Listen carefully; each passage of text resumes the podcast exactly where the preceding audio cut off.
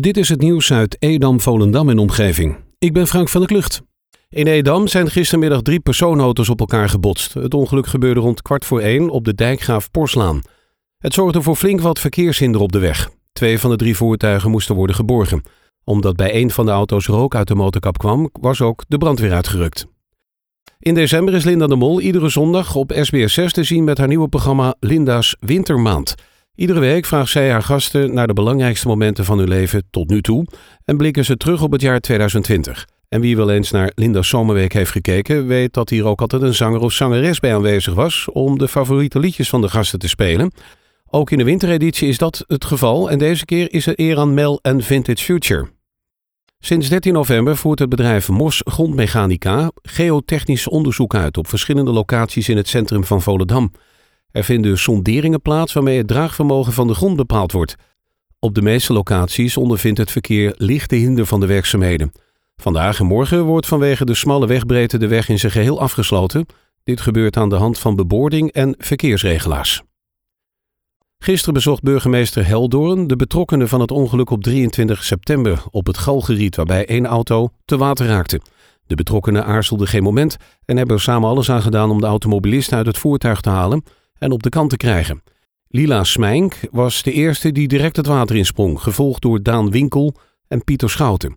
Zij wisten de automobilist aan de kant te krijgen, waar Jan Dijkman vervolgens begon met reanimeren. Helaas heeft hun dapper optreden niet mogen baten en is de 92-jarige automobilist overleden. Om hen te bedanken was er een kleine bijeenkomst georganiseerd. Op de plek van de oude schapenloods aan de Kruisbaakweg in Marken wil een projectontwikkelaar uit Amsterdam zes nieuwe woningen bouwen.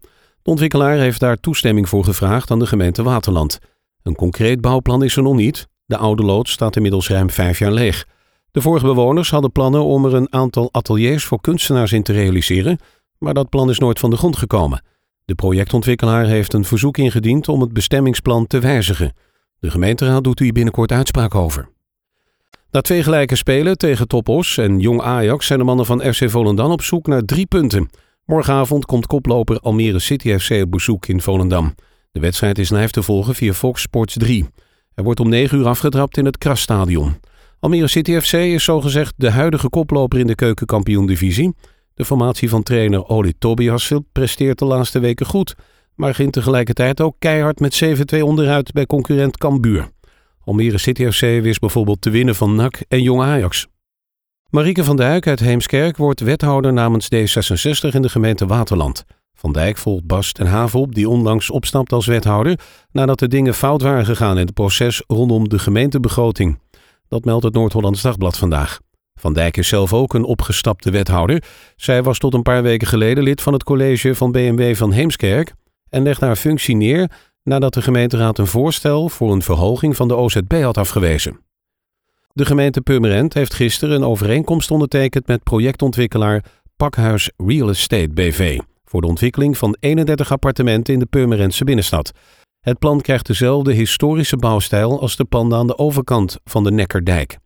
Dit project loopt al langere tijd. In juni 2019 zijn de toenmalige plannen aan omwonenden gepresenteerd. Die reageerden overwegend positief, ook omdat voor het project geen parkeerplaatsen worden opgeofferd. Voor de toekomstige bewoners geldt straks een nulvergunningregeling. Sinds 1 januari is de nieuwe wet verplichte geestelijke gezondheidszorg van kracht. De WVGGZ maakt dat iedereen die zich echt zorgen over de geestelijke gezondheid van iemand maakt, dit kan melden. De gemeente Purmerend en Beemster hebben het aannemen van deze meldingen sinds juli in eigen hand.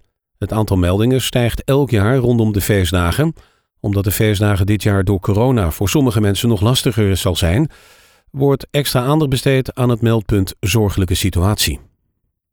Tot zover het nieuws uit Edam, Volendam en omgeving. Meer lokaal nieuws vindt u op de Love Kabelkrant, onze website of in de app.